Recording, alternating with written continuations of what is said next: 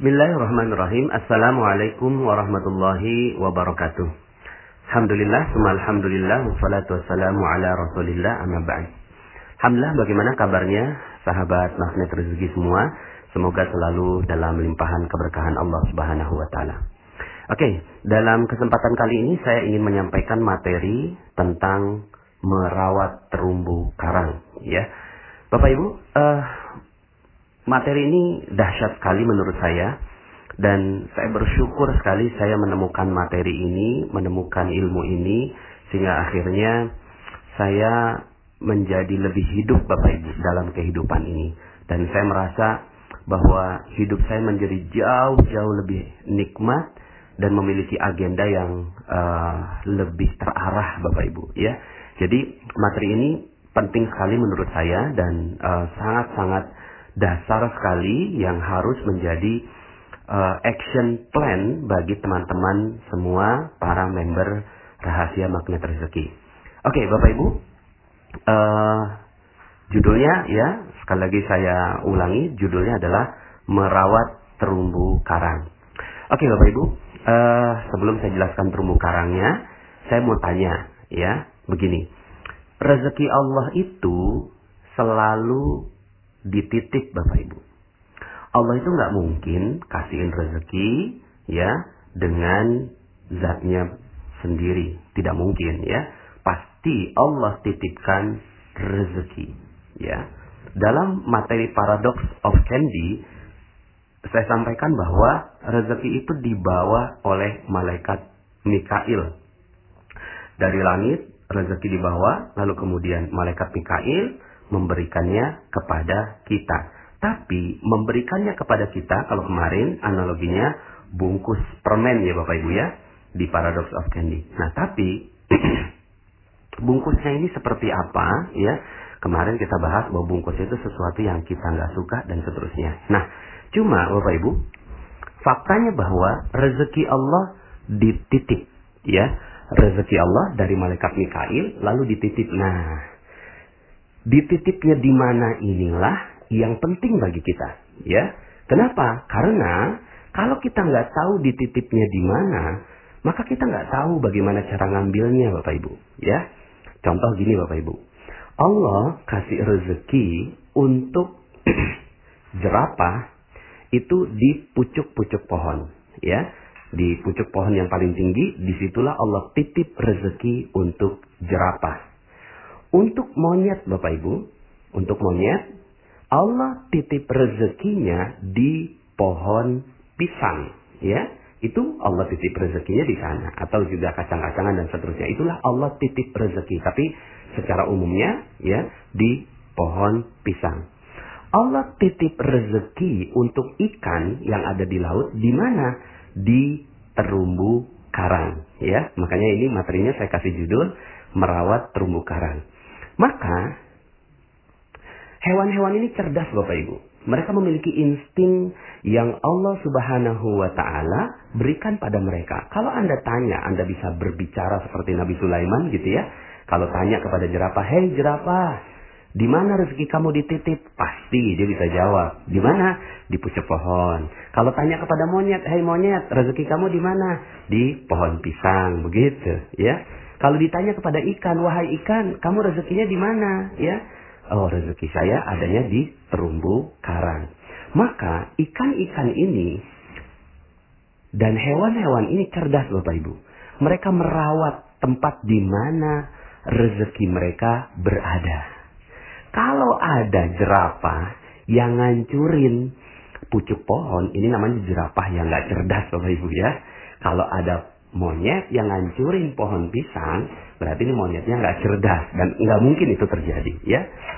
Kalau seandainya ada, ya, uh, ikan yang menghancurkan terumbu karang, ini namanya ikan yang nggak cerdas, ya. Nah, kenapa mereka cerdas? Karena mereka semua mengerti di mana letak rezeki mereka di mana Allah titipkan rezeki untuk mereka. Nah, sekarang unik Bapak Ibu ya, saya mau tanya pada Bapak Ibu ya. Saya mau tanya sama Bapak Ibu. Bapak Ibu, rezeki Bapak Ibu dititip di mana? Ada bisa jawab? Ya. Rezeki ibu dan bapak dititipnya di mana? Kan Allah titip rezeki. Nah sekarang saya mau tanya nih, rezeki bapak ibu dititip di mana? Uniknya bapak ibu, sebagian besar yang saya tanya tentang pertanyaan ini banyak yang nggak bisa jawab loh bapak ibu. Ketika saya tanya, di mana dititip rezekinya bapak ibu? Mereka akan bilang, oh ya di muka bumi. Ya di mananya? Pas di mananya bingung. Terlalu luas bumi ini. Karena nggak fokus, akhirnya rezeki nggak datang bapak ibu. Karena nggak kenal di mana dititip rezekinya, gitu ya. Kemudian ada yang bilang, oh rezeki dititip di uh, mana-mana. Iya makin nggak jelas lagi gitu ya. Rezeki dititip di proyek gitu ya. Iya, kalau uh, apa namanya akhirnya dia kejarnya proyek aja. Padahal ya bukan di situ tempatnya. Makanya orang-orang yang ngejar proyek, ngejar yang lain-lain, akhirnya yang terjadi adalah mereka tidak mendapatkan rezekinya. Kenapa? Karena bukan di situ rezeki itu, ya. Ayo Bapak Ibu, di mana? Ya. Oke, saya jawab ya Bapak Ibu ya rezeki Allah dititip di kemuliaan dan kebahagiaan orang lain. Itu. Jadi rezeki manusia, manusia dititip rezekinya di mana? Manusia dititip rezekinya di kemuliaan dan kebahagiaan orang lain. Gitu Bapak Ibu, ya. Saya jelaskan. Contoh ya Bapak Ibu ya. Kenapa kok Facebook ya itu dia bisa dapetin Mark Zuckerberg ya. Dia kok bisa dapatkan rezeki berlimpah? Wajar. Kenapa? Karena dia membahagiakan satu miliar penggunanya ya. Walaupun dia tidak memuliakan yang dia lakukan hanya membahagiakan. Padahal rezeki itu pada kemuliaan dan kebahagiaan orang lain ya Kemudian Google, Google juga membahagiakan orang lain, memberikan data. Bill Gates, dia membahagiakan orang lain dengan produk Microsoftnya dan seterusnya. Maka wajar mereka mendapatkan rezeki-rezeki yang berlimpah dari Allah Subhanahu wa taala, ya. Maka udah yang perlu kita lakukan adalah bagaimana kita membahagiakan orang lain. Gitu. Pertanyaan saya, berapa banyak orang yang Anda bahagiakan? Berapa banyak orang yang Anda bahagiakan? Ya, di situ letaknya rezeki. Jelas kalau seandainya kita bahagiakan orang, orang pasti akan ingat kita, ya. Misalnya nih Bapak Ibu, ya, kita punya produk kita punya produk datang ke orang lain. Lalu kemudian kita perkenalkan produk itu. Tapi ya kitanya ini hatinya kita ingin mengambil uang orang itu. Lalu kemudian tak ada sedikit pun perasaan bagi kita untuk membahagiakan dia. Kira-kira apa yang terjadi? Dia nggak mau beli bapak ibu.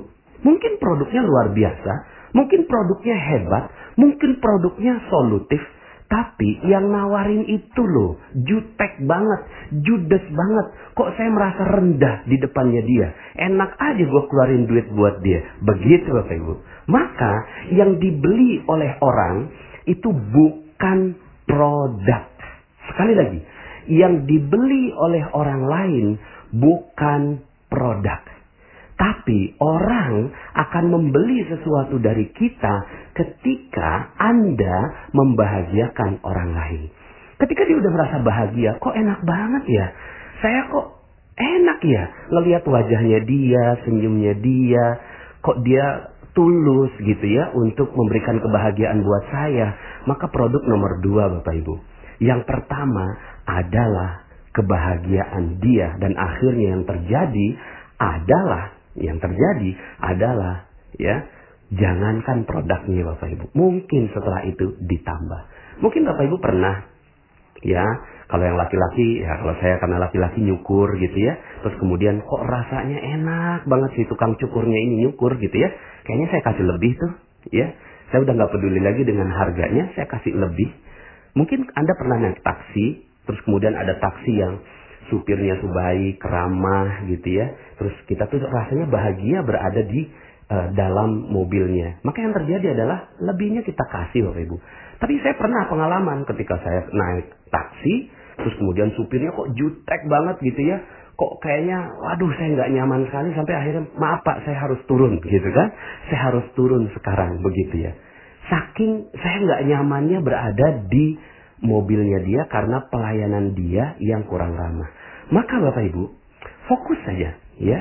Yang perlu Anda lakukan, rezeki Allah dititip di kemuliaan dan kebahagiaan orang lain. Ya, saya sengaja ya urutkan kemuliaan ini di depan. Kenapa? Karena sebenarnya yang nggak yang yang paling penting itu adalah kemuliaan orang, bukan kebahagiaan orang. Tapi kemuliaan itu tidak bisa didapatkan kalau orang lain tidak bahagia. Maka ya sudah, gitu ya. Ini udah jadi kayak uh, apa ya, soulmate gitu ya kebahagiaan dan kemuliaan. Yang sayangnya ya beberapa di antara uh, para orang kaya yang dilakukan membahagiakan tapi kurang memuliakan gitu ya. Nah, kalau ini digabungkan memuliakan dan membahagiakan orang, wih, masya Allah Bapak Ibu, rezeki Anda akan mengalir dengan deras pada Anda. Maka ada loh manusia gitu ya yang menghancurkan terumbu karangnya Bapak Ibu. Ikan menghancurkan terumbu karangnya orang yang ikan yang tidak cerdas Bapak Ibu. Tapi ada manusia yang menghancurkan kebahagiaan orang lain. Itu. Unik kan? Ya. Jadi ketika ditanya, eh rezeki kamu di mana? Nggak tahu. Tapi orang lain benci semua sama dia. Gitu ya. Istrinya dihancurkan perasaannya. Suaminya nggak dituruti dan nggak dihargai orang tuanya gitu kan sampai nyesal melahirkan dia sampai bilang aduh ya Allah saya nyesal sekali keluar air susu buat anak saya sekarang dia jadi anak durhaka hei ayo lihat ya bagaimana mungkin anda bisa bahagiakan customer anda Bagaimana mungkin Anda bisa bahagiakan orang lain? Bagaimana mungkin Anda bisa bahagiakan siapa pun di muka bumi ini kalau istri Anda, suami Anda, anak Anda, orang tua Anda tidak bahagia dengan kehadiran Anda? Maka yang perlu dilakukan bukan cari rezeki Bapak Ibu. Sekali lagi, ini ini ilmu magnet rezeki Bapak Ibu ya. Tapi bukan rezekinya yang kita ambil. Tapi setelah dengarkan materi ini, maka yang perlu Anda lakukan adalah Anda mengagendakan orang-orang yang ada di sekitar Anda untuk dibahagiakan dan dimuliakan Bapak Ibu ya dimuliakan dan dibahagiakan. Muliakan orang tua kita, muliakan istri kita, muliakan suami kita, ya. Muliakan customer kita, muliakan siapa pun, ya. Setiap orang yang lewat di depan kita, wah kita muliakan gitu ya. Sampai begini Bapak Ibu. Misalnya nih ya, Anda jalan, kemudian naik mobil ya, naik mobil, di sebelah Anda ada, mohon maaf ya, mohon maaf, ada bencong gitu ya ada gay, ada orang yang bermaksiat gitu ya Bapak Ibu ya. Terus kemudian apa yang ada dalam pikiran Anda? Yang ada dalam pikiran sebagian di antara kita ngomongnya gini, ih bencong, ih neraka, ih jijik. Bapak Ibu, sebenarnya apa yang terjadi? Yang terjadi adalah Anda sedang menghancurkan terumbu karang Anda. Anda sedang menghancurkan rezeki Anda. Kok bisa? Ya iya, Ya, Anda nggak muliakan dia. Lo bagaimana memuliakan? Oh dia bencong, dia gay. Bagaimana bisa dimuliakan? Bapak Ibu, udahlah nggak mampir, nggak negor, nggak ngorder, gitu ya. Nggak nyalamin, malah nyumpahin di pikiran. Neraka, jijik, dan seterusnya. Gitu ya. Maka yang harus dilakukan gimana? Ya kalau seandainya Anda nggak datangi dia, doakan dia. Gimana cara mendoakannya? Langsung naik gitu ya. Atau nggak usah pakai tangan juga pakai pikiran juga udah jadi doa. Ya Allah muliakan dia. Ya berikan jalan taubat buat dia. Berikan rezeki buat dia sehingga dia tidak lagi melanjutkan pekerjaannya. Ya Allah, hanya itu yang bisa saya lakukan. Tolong ya Allah, bantu dia. Udah, selesai. Anda aman Bapak Ibu, ngelihat bencong di pinggir jalan, ngelihat gay di pinggir jalan, Anda selamat pikiran Anda. Selama ini Bapak Ibu, Anda ngelihat orang yang Anda nggak suka, lalu kemudian dalam pikiran Anda, Anda menjudge, Anda menghakimi, Anda merusak terumbu karang Anda. Anda merusak rezeki Anda. Itu yang terjadi. Ya, maka Bapak Ibu, kalau seandainya Anda sekarang ini seret rezekinya, Anda sekarang sedang berat, hutang nggak lunas-lunas, amanah nggak lunas-lunas, pi utang kok nggak datang-datang begitu ya. Yang perlu Anda perhatikan adalah bagaimana terumbu karang Anda. Jangan-jangan terumbu karang Anda sudah hancur di bom Bapak Ibu. Ya, siapa yang ngebom? Anda sendiri. Anda bom, Anda bom, Anda bom. Itu terumbu karang seperti nelayan yang mengebom ya, mengebom uh, lautan begitu ya. Mentang-mentang Allah ya kasihin hukum bahwa ikan yang bangkai boleh dimakan halal. Maka yang dilakukan adalah dibom aja supaya bangkai ini yang kita tangkap begitu ya. Mentang-mentang begitu Bapak Ibu, maka yang dilakukan adalah menghancurkan terumbu karang Bapak Ibu, ya. Maka yang terjadi adalah kita manusia sering menghancurkan terumbu karang kita. Ya. Coba perhatikan gitu ya. Perhatikan berapa banyak terumbu karang yang Anda hancurkan. Maka Bapak Ibu, kalau seandainya sekarang ini rezeki nggak ada, ya sudah, wajar. Anda menghancurkan terumbu karang Anda. Gitu ya. Ada orang Anda benci banget gitu ya. Misalnya Anda tahu nih sebuah ilmu, sedikit Anda tahu gitu kan ya bahwa oh ya nih kalau pakai uh, hadis ini gitu kan oh apa namanya ini hadisnya nggak nggak ada di, di nabi terus kemudian yang lainnya dibilang oh itu bid'ah itu neraka dan seterusnya kemudian ada lagi yang uh, apa namanya mem mengatakan bahwa golongannya lebih baik gitu kan lalu kemudian mengatakan ih dia itu ya uh, apa neraka begitu ya masya Allah anda lagi ngebom itu bapak ibu anda lagi ngebom rezeki Anda itu hancur, hancur, hancur, hancur. Anda mau masuk surga, tapi Anda menghancurkan terumbu karang Anda. Gitu ya. Anda menghancurkan, ya. Dalam Al-Quran disebutkan, A'udzubillahi minasyaitonirrajim, Ya ayyuhallazina amanu, la yaskhar qawmun min qawmin asa ayyakunu khairan minhum. Wala nisa'un min nisa'in asa ayyakunna khairan minhun. Hai orang-orang yang beriman, janganlah seorang lelaki itu menganggap dirinya lebih baik daripada orang lain. Nah, lebih baik daripada orang lain saja, menjudge orang lain saja, itu nggak boleh Bapak Ibu. Apalagi menjudge gitu ya, di dalam pikiran kita tuh orang nggak bagus Bapak Ibu ya. Begitu juga wanita, wanita dan juga perempuan gitu ya. Nah, Bapak Ibu, bagi perempuan-perempuan yang suka gosip, sebenarnya yang suka gosip bukan cuma perempuan ya, laki-laki gitu ya. Laki-laki tuh suka gosip juga. Gosip politik, gosip ngomongin pemimpin, gosip ngomongin uh, apa namanya ha, bisnis, ya proyek, saling sikat sikut itu gosipnya lelaki. Gosipnya perempuan apa? Gosipnya perempuan ngomongin orang, ngomongin tetangga, di apa namanya uh, di tukang sayur dia ngomongin ngomongin uh, apa keburukannya orang lain, orang lain beli pin, beli kulkas dua pintu diomongin, orang lain beli mobil baru diomongin, gitu kan? Orang lain pakai jilbab miring diomongin, orang lain pakai uh, gendut lalu kemudian uh, pakai baju kayak lepet diomongin, gitu ya. Apa yang sedang Anda lakukan? Yang sedang Anda lakukan adalah mengebom rezeki Anda. Hancur rezeki Anda di situ. Jadi kalau seandainya Anda sekarang ini berintrospeksi, ya Allah, kenapa ya rezeki saya seret? Ya Allah, kenapa ya rezeki saya kok segini-gini aja? Hei, coba lihat, udah berapa banyak orang yang Anda hancurkan? Sudah berapa banyak rezeki yang Anda hancurkan? Bagaimana mungkin Anda berpikir seperti Mark Zuckerberg yang berpikir bagaimana orang lain bisa bermanfaat gitu? Bagaimana Anda bisa berpikir seperti Google yang dia berpikir apalagi ya, apalagi yang harus saya berikan buat dunia supaya mereka itu bisa mendapatkan data yang lebih baik begitu.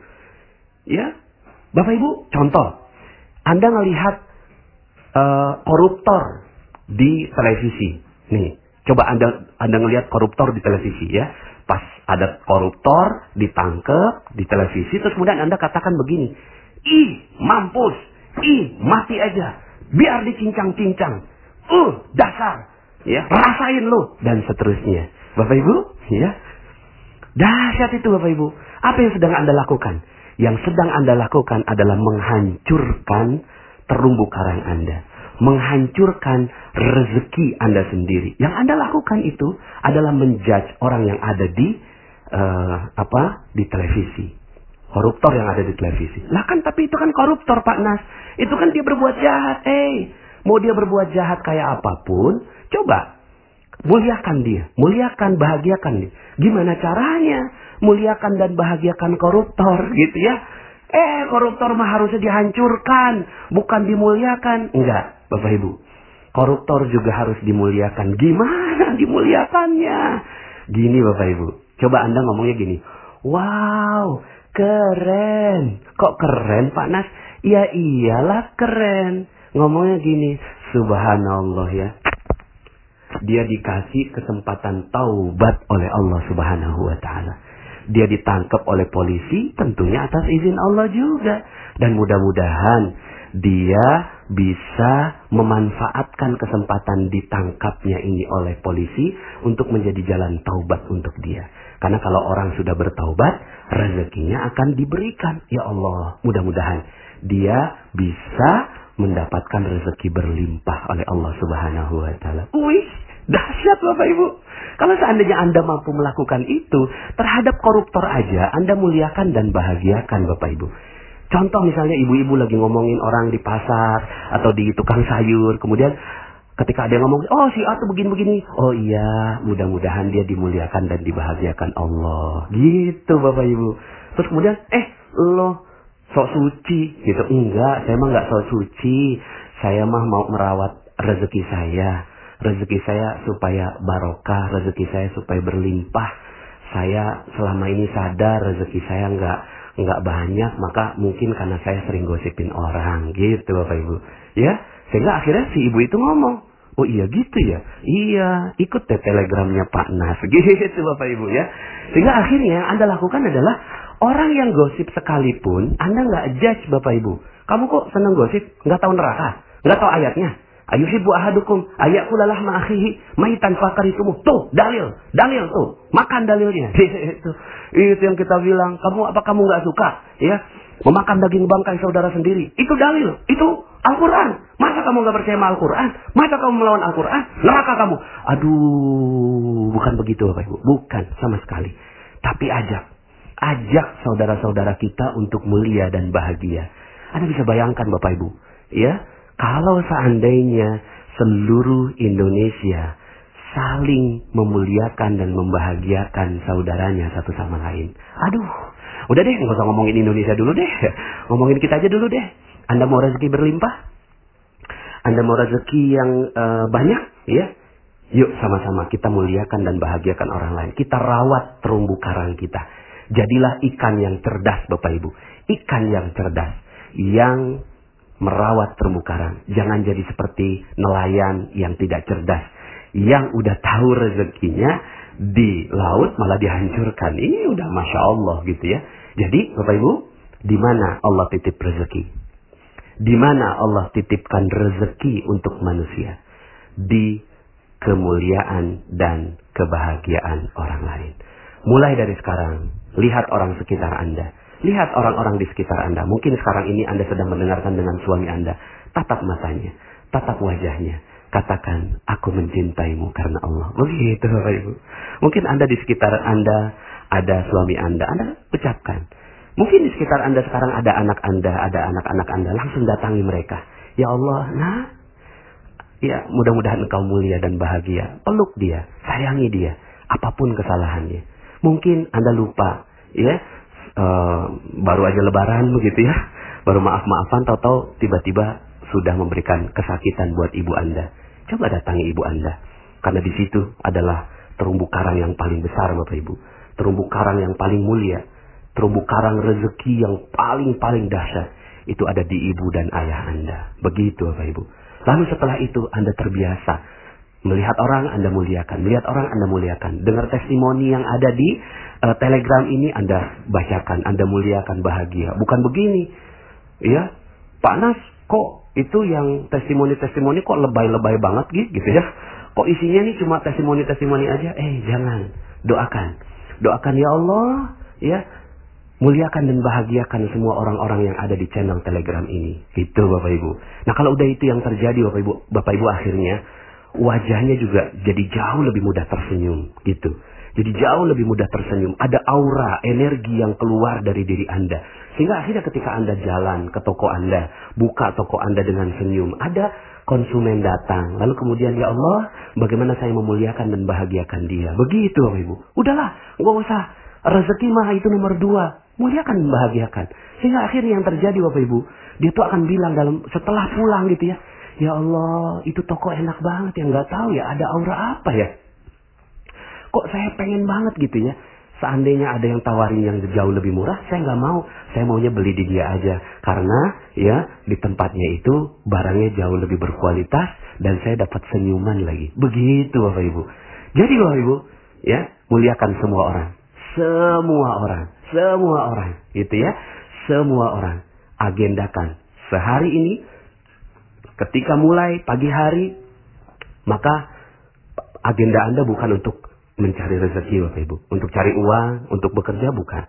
Tapi agenda Anda pergi dari rumah Anda yang Anda lakukan adalah bagaimana saya memuliakan dan membahagiakan orang lain. Dari situ baru rezeki Anda akan mengalir pada diri Anda. Mungkin ada yang bilang begini, ya Allah Pak Nas, saya baru dapat materi ini, saya sadar terumbu karang saya ini udah hancur gitu ya. Saya selama ini menzolimi, merusak hubungan saya dengan orang lain. Nggak apa-apa Bapak Ibu, tenang aja. Santai kok, santai. Anda kan baru tahu mungkin ya ilmu ini. Ya, apa yang perlu lakukan? Yang perlu lakukan adalah tenang aja. Terumbu karang masih banyak. Terumbu karang masih banyak. Muliakan orang yang bisa Anda muliakan. Bahagiakan orang yang bisa Anda bahagiakan di sekitar Anda. Di sekitar Anda. Mulailah sekarang. Mulai pelan-pelan merawat terumbu karang Anda. Ya silahkan gitu ya. Rawatlah terumbu-terumbu karang Anda gitu kan. Sampai akhirnya menjadi terumbu karang yang indah. Maka rezeki akan datang berlimpah kepada Anda. Jadi ya kalau ada yang bertanya Pak Nas. Saya ini orangnya banyak dosa. Apakah rezeki saya pantas dapetin rezeki Allah? Pantas kok. Pantas kok. Ya asalkan Anda mau mengamalkan ilmu ini. Muliakan dan bahagiakan orang lain. Dari mana memulainya? Mulai dari orang tua Anda. Itu. Mulai dari orang tua Anda. Kalau Anda mampu melakukan itu maka masya Allah rezeki Anda akan datang dengan berlimpah ruah. Semoga saya doakan Anda semua mendapatkan keberkahan, kemuliaan, kejayaan, kebahagiaan, keharmonisan dari Allah Subhanahu wa taala. Sampai jumpa pada audio-audio berikutnya. Saya Nasrullah. Assalamualaikum warahmatullahi wabarakatuh.